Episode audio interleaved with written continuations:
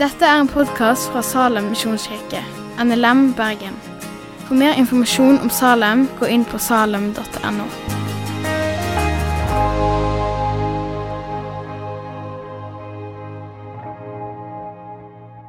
Herre Jesus, takk, takk for at vi er samla.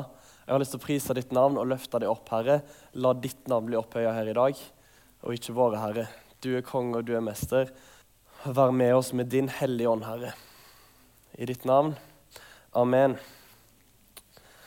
Vi begynner på direkten med å lese teksten for i dag, som er ganske lang.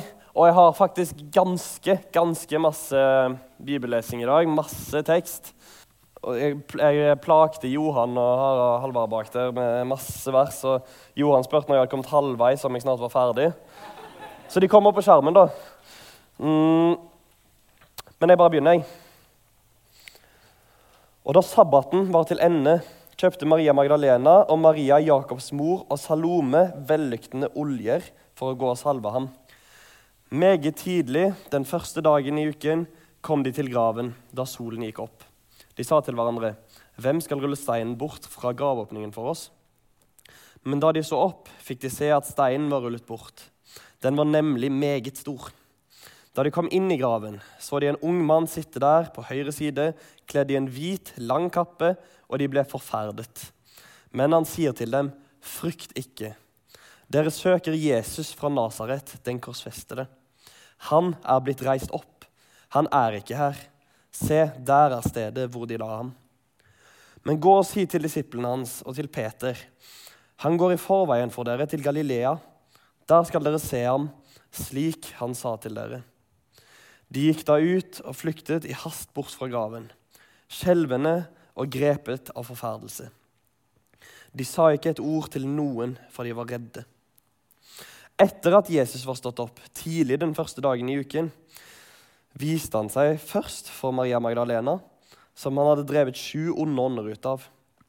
Hun gikk av sted og fortalte det til dem som hadde vært med ham, og som nå sørget og gråt. Og da de fikk høre at han levde, og at hun hadde sett ham, trodde de det ikke. Deretter åpenbarte han seg i en annen skikkelse for to av dem mens de gikk på veien og skulle ut på landet. Også disse kom og fortalte det til de andre, men heller ikke dem trodde de. Til sist åpenbarte han seg for de elleve selv. Men de holdt måltid, mens de holdt måltid, han refset dem for deres vantro og for deres harde hjerter, fordi de ikke hadde trodd dem som hadde sett ham etter at han var blitt reist opp. Og han sa til dem, gå ut i all verden og forkynn evangeliet for all skapningen. Det er noen mektige vers. Det er noen veldig mektige vers. Uh, og det er noen utrolig viktige vers. Det er jo ofte ting som står i Bibelen, og disse.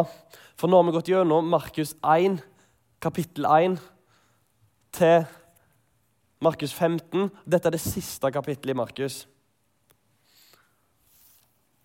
Og, og klimakset i dette verset, det er vers nummer 6, når han sier men han sier til dem, frykt ikke, dere søker Jesus fra Nasaret, den korsfestede.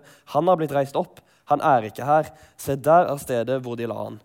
Og jeg syns det er fascinerende hvordan de ikke tror på hverandre. Altså, når de sier, altså, I, i Matteus eh, 16, 21 Disse fingrene er ikke lagd for å bla i en bibel, så bare tålmodig med meg. 1621. Eh, Fra den tiden begynte Jesus å gjøre det klart for disiplene sine at han måtte dra til Jerusalem, og at han skulle lide meget av de eldste yppersteprestene og de skriftlærde, at han skulle bli slått i hæl, og at han skulle reises opp på den tredje dagen. Dette var én av mange ganger Jesus sa at han skulle bli reist opp på den tredje dagen. Profetiene hadde òg sagt at Messias skulle bli reist opp på den tredje dagen. Og likevel, når de kommer gående, så stiller jeg hverandre spørsmålet hvem skal rulle steinen bort fra gravåpningen for oss. De tror åpenbart at han fortsatt ligger der, og at han fortsatt er død. Uh, I tillegg til at når folk som de stoler på, kommer og sier til dem at vi har møtt Jesus, han lever, så tror de ikke på han. Til tross for at han sa det, at det var sånn det skulle skje, så tror de ikke på han. Uh, og det ser vi jo tydelig at Jesus refser de for. da. Og det syns jeg er ganske fascinerende. Eh, det er altså oppstandelsen vi skal snakke litt om i dag. Oppstandelsen det er et sånt, det er sånt ord, sant? Et sånt ord vi sier oppstandelsen, og så, og så, er det på en måte et stort ord, og vi vet at det betyr masse, men så, så glemmer vi kanskje litt hva det, hva det, betyr når vi snakker om det, det, når vi sier det. da. Og Jeg har tenkt å snakke om oppstandelsen fra, eh, med, med, med, utgangspunkt i to punkt. Jeg er ikke en type som har punkt i talene mine, men i dag skal jeg ha det. Um, og Punkt nummer én er Jesu fysiske oppstandelse. Jeg skal snakke litt om, uh, om, om hva det vil si. Uh, og nummer to er Jesu oppstandelse i mitt liv. Altså hva konsekvenser får Jesu oppstandelse for meg. Vi har lest kapittel 16 nå, og vi har sett at Jesus sto opp fra de døde. Det gjør det kapittelet veldig, veldig klart. Eh, men det var utrolig mange som ikke trodde at folk kunne stå opp fra de døde. og Det var noen av grunnene til at, eh, til at uh, folk var skeptiske òg. Folk står ikke bare opp fra, død, fra de døde i, i hytopien, liksom.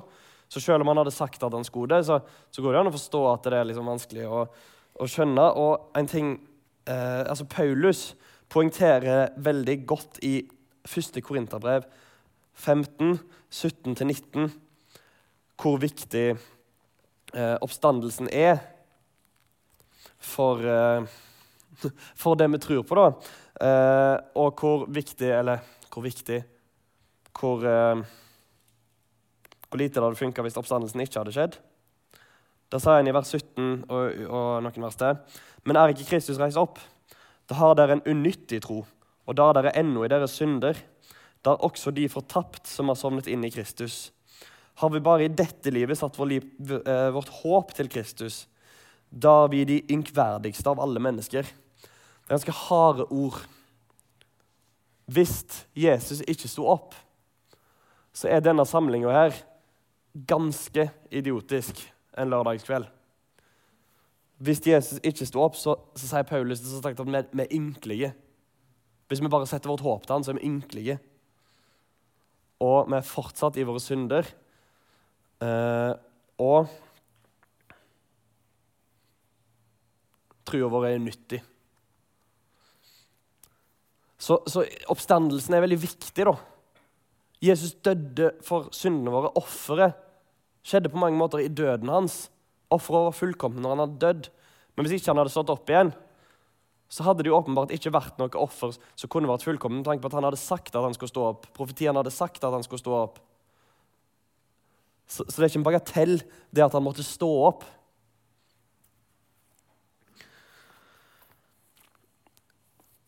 En journalist som heter Lee Strobel, kanskje noen har hørt om han. Han eh, bor i USA. For mange år siden så var han journalist, eh, og han var ateist. Han var ikke bare en sånn litt nøytral ateist. Han var ganske, han var ganske imot kristendommen, han likte ikke den. Han syntes det var noe tull.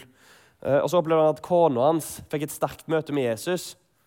Eh, og Det likte han veldig dårlig, så han satte seg fore at han skulle motbevise den kristne trua. Og en på jobben hans, som var kristen sjøl, sa Ta oppstandelsen. Sto Jesus opp fra de døde, og du finner ut det, så må du ta konsekvensen av det. Sto Jesus ikke opp fra de døde, og du finner ut det og klarer å bevise det, så har du ordet han sa, da, har du pistolen din mot hodet på hele den kristne trua. Poenget hans, som samstemmer med Paulus sitt poeng i Korinterbrevet, er at uten oppstandelsen så er det meningsløst. Lee Strobel han gikk systematisk til verks på uh, Alt som hadde med oppstandelsen å gjøre. Han, han sjekka opp øyenvitnene, altså de som så Jesus etter han hadde stått opp. Han sjekka opp muligheten for at Jesus egentlig aldri døde skikkelig på korset. Sjekka opp mulighet, eh, hvor historisk korrekt det var at Jesus i det hele tatt noen ganger hadde fantes. Uh, han sjekka opp uh, psykologi på om det gikk an at alle bare hadde masse hallusinert han. Uh, han gikk veldig systematisk til verks. Han stilte alle spørsmål du kan stille, så å si. Og når folk kritiserte han på spørsmål han ikke hadde stilt etterpå, så lagde han en ny utgave av ei bok som han ga ut til slutt, da, med de nye spørsmålene òg. Og han snakket med leger, han snakket med forskere, han snakket med fagfolk på emnene. Og etter han hadde, Vi skal ikke gå inn på alle temaene, men jeg har lyst til å anbefale dere å lese boka han endte opp med til slutt. Så er det en bok som heter 'The Case for Christ', der han beskriver hvordan han til å begynne med tenkte at Jesus var noe tull. Maks en historisk viktig person. Det gikk han fra til å måtte erkjenne at Jesus døde på korset, ble begravd, sto opp fra de døde. Og ikke bare erkjente han det, men han bøyde også kne og erkjente Jesus som sin konge i livet. Og det er bare én av veldig mange eksempel på mennesker som har tatt den reisen med Jesus. Som har utfordra han, som har stilt spørsmål til han, eh, og endt opp med å måtte bøye kne for han. I det verset vi leser i stad, 1. Korinterbrev 15, 17-19 Hvis vi leser fortsettelsen der, ser vi Men er ikke Kristus reist opp, da har dere en unyttig tro, og da er dere ennå i deres synder. Da også de fortapt som har sovnet inn i Kristus. Har vi bare i dette livet satt vårt håp til Kristus, da er vi de ynkverdigste av alle mennesker, sier Paulus. Så Lee Strobel òg kom fram til. Men nå er Kristus reist opp fra de døde og er blitt førstegrøden av dem som har sovnet inn. For ettersom døden kom ved ett menneske, så er også de dødes oppstandelse kommet ved ett menneske. For like som alle dør i Adam, slik skal også alle bli gjort levende i Kristus. Så en fysisk oppstandelse, at Jesus faktisk sto opp noen, noen, teologer sier at, ja, at, det var en billedlig oppstandelse. Han lever videre med læren sin i hjertet vårt. Men nei, det var nødvendig at det er noen fysisk oppstandelse. Eh, det sier Paulus tydelig, og det har òg f.eks. Lee Strobel kom fram til.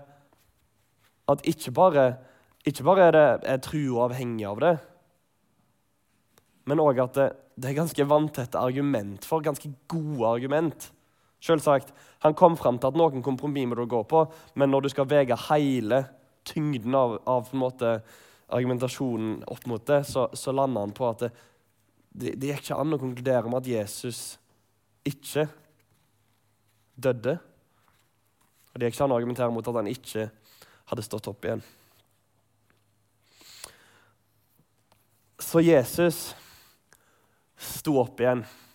Eller sånn som Bibelen sier, Jesus ble reist opp.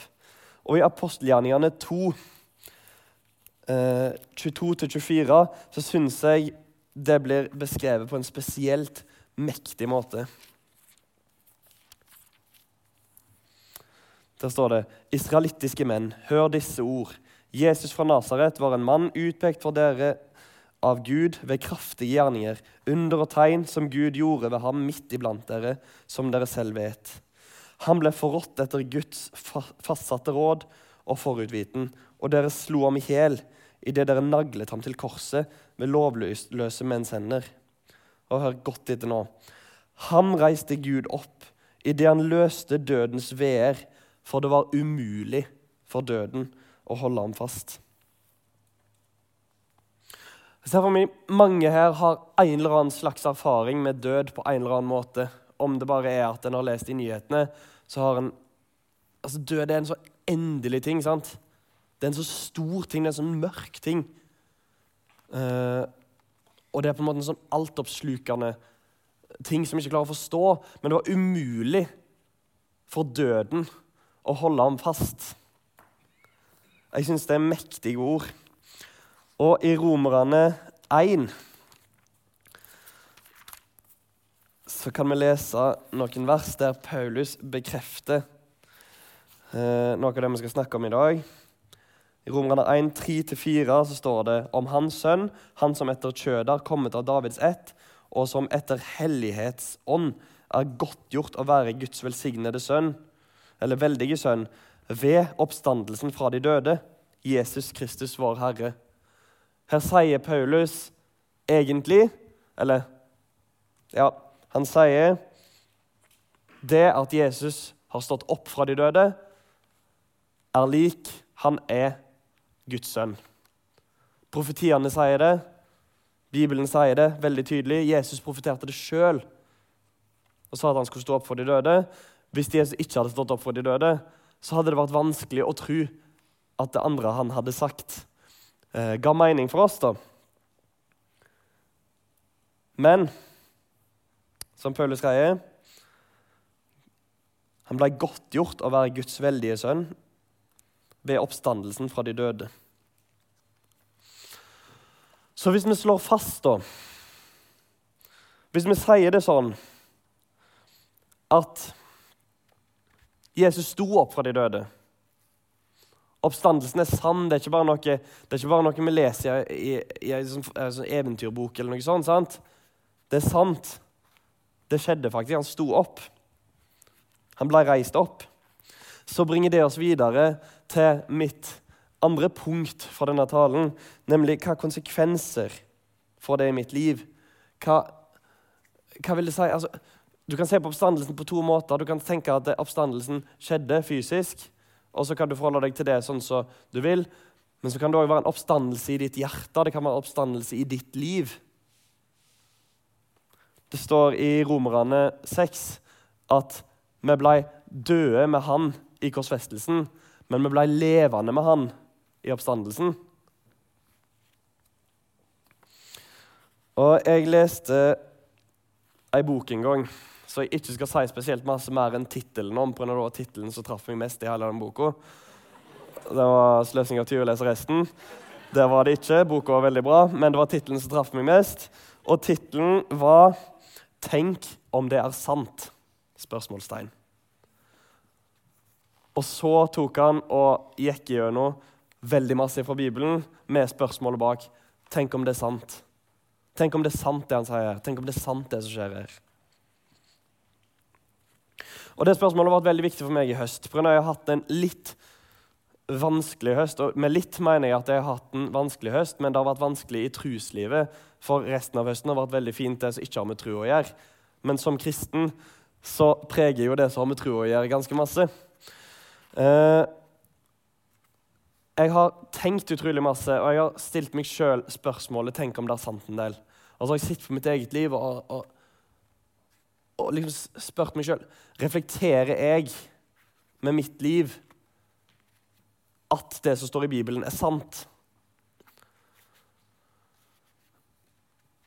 Tror jeg at det som står i Bibelen, er sant? Og hvis jeg tror det, lar jeg det da prege meg? Tar jeg da konsekvensen av det som står der?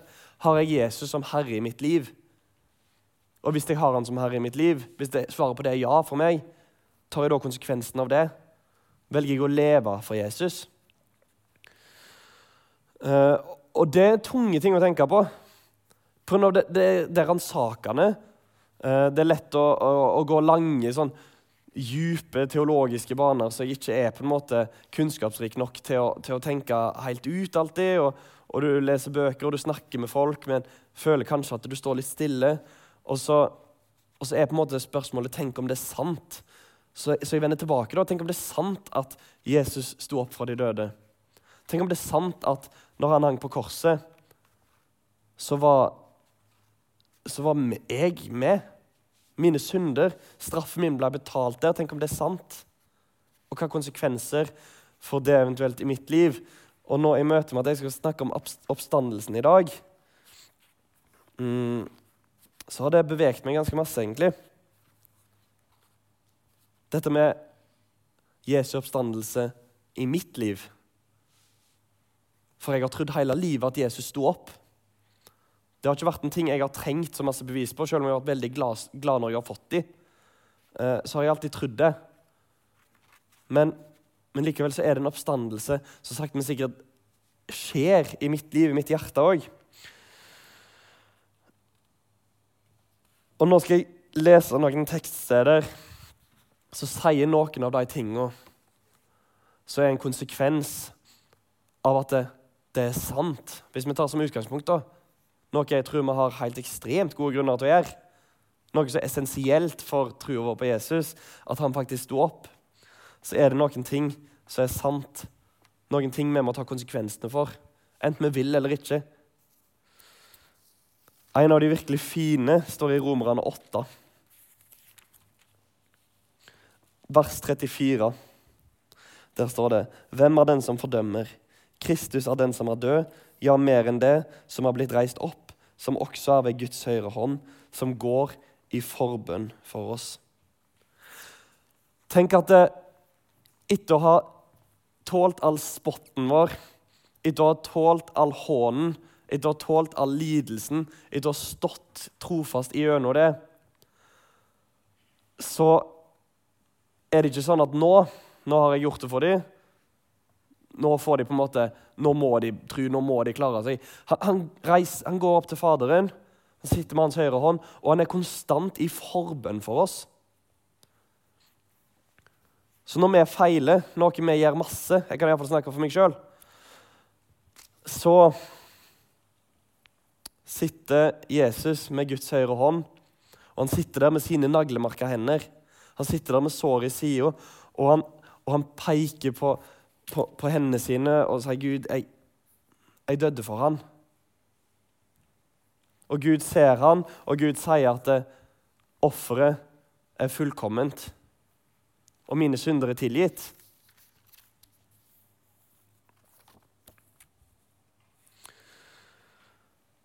I Filipperbrevet 3 så skal vi lese noen vers om hva, om hva at oppstandelsen er sann, at oppstandelsen har skjedd, har betydd i Paulus sitt liv. Vi leser fra vers 7 til 11. Men det som var en vinning for meg, det har jeg gjort for Kristi skyld. Eh, det har jeg for Kristi skyld aktet som tap. Ja, jeg akter i sannhet alt for tap, fordi kunnskapen om Kristus, Jesus min Herre, er så mye mer verd. For hans skyld har jeg tapt alt. Jeg akter det for skap, for at jeg kan vinne Kristus, og bli funnet i ham, ikke med min egen rettferdighet, den som er av loven, men med den jeg har fått av troen på Kristus. Rettferdigheten av Gud på grunn av troen. Så jeg kan få ham og kraften av hans oppstandelse og samfunnet med hans lidelser, idet jeg blir gjort lik med ham i hans død, om jeg bare kunne nå fram til oppstandelsen fra de døde. I vers 10 så sier han så jeg kan få kjenne ham og kraften av hans oppstandelse. Vi skal få lov å kjenne den samme kraften som gjorde at døden ikke engang kunne holde han fast. Den kraften skal leve i oss og kalles Den hellige ånd. Og den kraften og den vissheten om at Jesus hadde stått opp for han. Og Dette er mannen som forfulgte den kristne kirka, som ville drepe de kristne. Syns de kristne var avskyelige.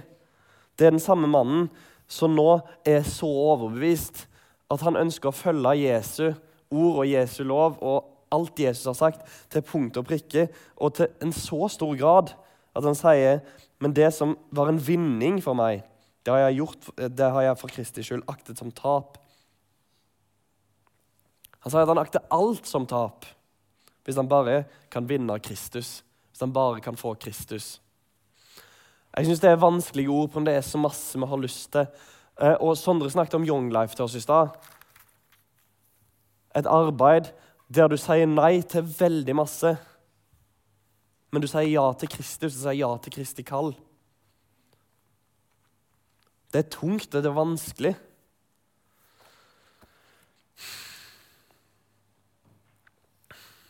Men det er fortsatt sant. Eh, vi har lest 16 kapittel i Markus i lag. Ikke, vi har ikke lest alt, vi har gått gjennom 16 kapittel i Markus i, i høst. Og hvis oppstandelsen ikke hadde skjedd, så hadde ingenting av det vært relevant for deres liv. Men siden oppstandelsen har skjedd, så er det veldig relevant for deres liv. Til og med når Jesus sier at, eh, at vi må fornekte oss sjøl. Til og med når Jesus sier at vi må ta opp vårt kors. Han sto opp for de døde. Han viste at han er Gud, han er Guds sønn. Han er verdt å høre på. Det kommer til å koste. Han sier at de som ikke fornekter livet sjøl, skal ikke fortjene han. Det er tunge ord. Det er vanskelig å høre. For vi er så glad i så masse greier i livet. sant? Det er så mange ting vi heller vil. Det er så mange ting hjertet vårt egentlig lengter etter. Vi går rundt og sier til hverandre, for vi kristne er så flinke på sånn, sånn åndelig jatting. Vi bare, vi bare, sier masse ting. sant? Vi sier ting som vi har lært når vi var små, og som, som vi kanskje på en måte har snakket med vennene våre om. at ja, snakket med en venn om at vi er herlig frelst i lag med styre blod. Og så, og, så, og så er det en helt sinnssyk ting å være. Det er liksom Det er helt ekstremt at vi får være det. Men vi bare, vi bare sier det, liksom, bare slenger det ut som, som, som om det skulle vært kastilling og ble en eller annen fotballkamp. liksom. Men, men vi jatter så masse. Men, men men at Jesus sto opp, gjør at vi, vi kan ikke jatte. Det er ikke, det er ikke jatting det her handler om. sant? En ekstremt fin ting som er sant i våre liv av at Jesus sto opp, står i Romerne 3.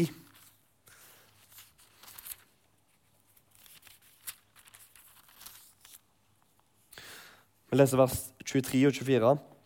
Alle har synda og mangler, mangler Guds herlighet. Det gjelder alle oss òg.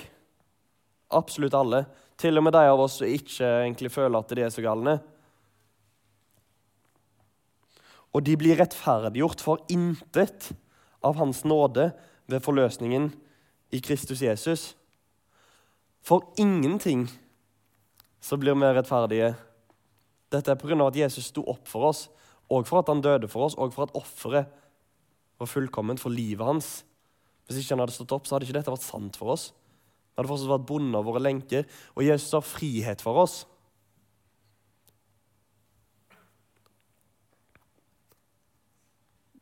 Det vil si at hvis vi ikke har Jesus, så er vi fanga. Og Jeg snakket med Sondre rett før gudstjenesten, og han nevnte helt kort i en bisetning at vi er fri til å følge Jesus. Vi er fri til å si nei til en del av det verden har å tilby. Vi er fri til å gi pengene våre til folk som trenger de mer. Vi er fri til det. Vi er ikke bonde av lov. Vi er fri til det. Vi er satt fri til å respondere på Jesu eksempel. Vi er fri til å respondere på Jesu ord.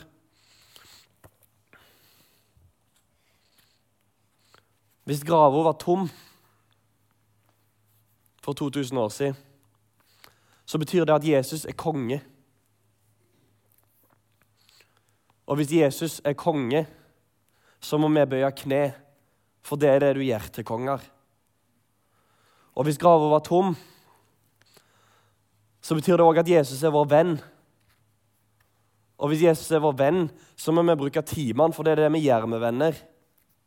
Og hvis grava var tom, så er ikke vi en kristen klubb men vi er Guds menighet.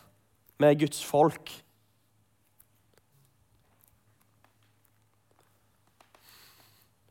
Hvis grava er tom, så har det enorme konsekvenser for livet vårt. Hvis grava er tom, så er alt det som står her, sant. Og det betyr noe for deg, og du kan fortsatt si nei. Men det, konsekvensene er enorme og det kommer til å koste si ja. Men velsignelsene er så store at jeg, jeg vil ikke engang begynne å sette ord på dem. Jesus har så store løfter til oss om frihet, om glede, om kjærlighet, om herlighet. Men det er ikke derfor han er sann. Det er ikke derfor vi holder oss til han, pga. at han har så mange gode ting for oss. Det er ikke sånn at hvis du har en god far, så fins han. Og hvis du ikke har en god far, så fins han ikke. Skjønner dere? Jesus er konge, fullstendig uavhengig av oss. Og i Apostelens gjerninger, kapittel 6, vers 11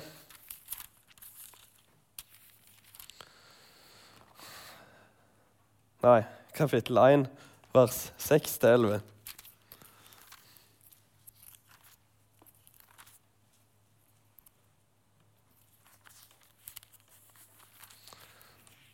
Der står det De som nå var kommet sammen, spurte ham og sa, Herre, er det på den tiden du vil gjenreise riket for Israel?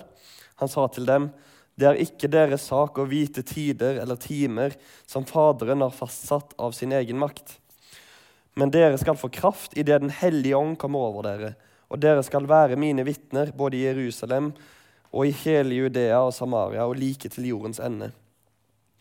Da han hadde sagt dette, ble han løftet opp mens de så på, og en sky tok han bort fra øynene deres. Men de sto der og stirret opp mot himmelen. Idet han for bort, se, da sto to menn i hvite klær hos dem, og de sa, Galileiske menn, hvorfor står dere og ser opp mot himmelen? Denne Jesus som har tatt opp fra dere til himmelen, skal komme igjen på samme måten som dere så han fare opp til himmelen. Vi har fått Den hellige ånd, og Den hellige ånd skal styrke oss. Han skal veilede oss. Han skal peke på Jesus i våre liv. Jesus har lovt å aldri slippe oss og aldri svikte oss. Jesus vil være med oss. Og når de sier 'Hvorfor står dere og ser opp mot himmelen?' Jeg liker ironien i spørsmålet. Jeg liker på en måte jeg synes det er et smart spørsmål. For hvor ofte står ikke vi og ser opp mot himmelen? Vi har fått Den hellige ånd. Vi har fått et kall. Jesus har gjort det ganske klart for oss. Ikke akkurat presist hvordan vi skal leve livet. Det er ikke alle som skal være med i Young Life, men mange skal nok være med i et sånt opplegg. Prøv han har kalt oss til å vinne alle mennesker for ham.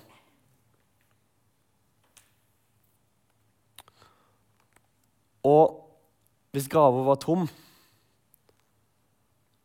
så må vi begynne med det. Det er ikke noe vi er bonde til å gjøre, det er noe vi er fri til å gjøre. For siden grava var tom, så har jeg lyst til å gjenta at da er Jesus konge, og vi må bøye kne for han. Vi ber.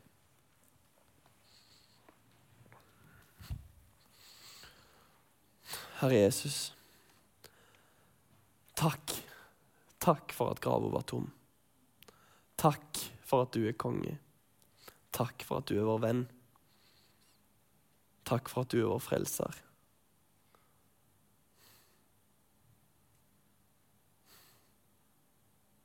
Takk for at du er. Og takk for at vi får være på grunn av deg. Kom, Herre, kom med ditt rike.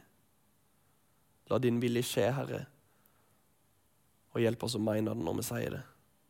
I ditt navn, Jesus. Amen. Takk for at du har hørt på podkasten fra Salem, Bergen.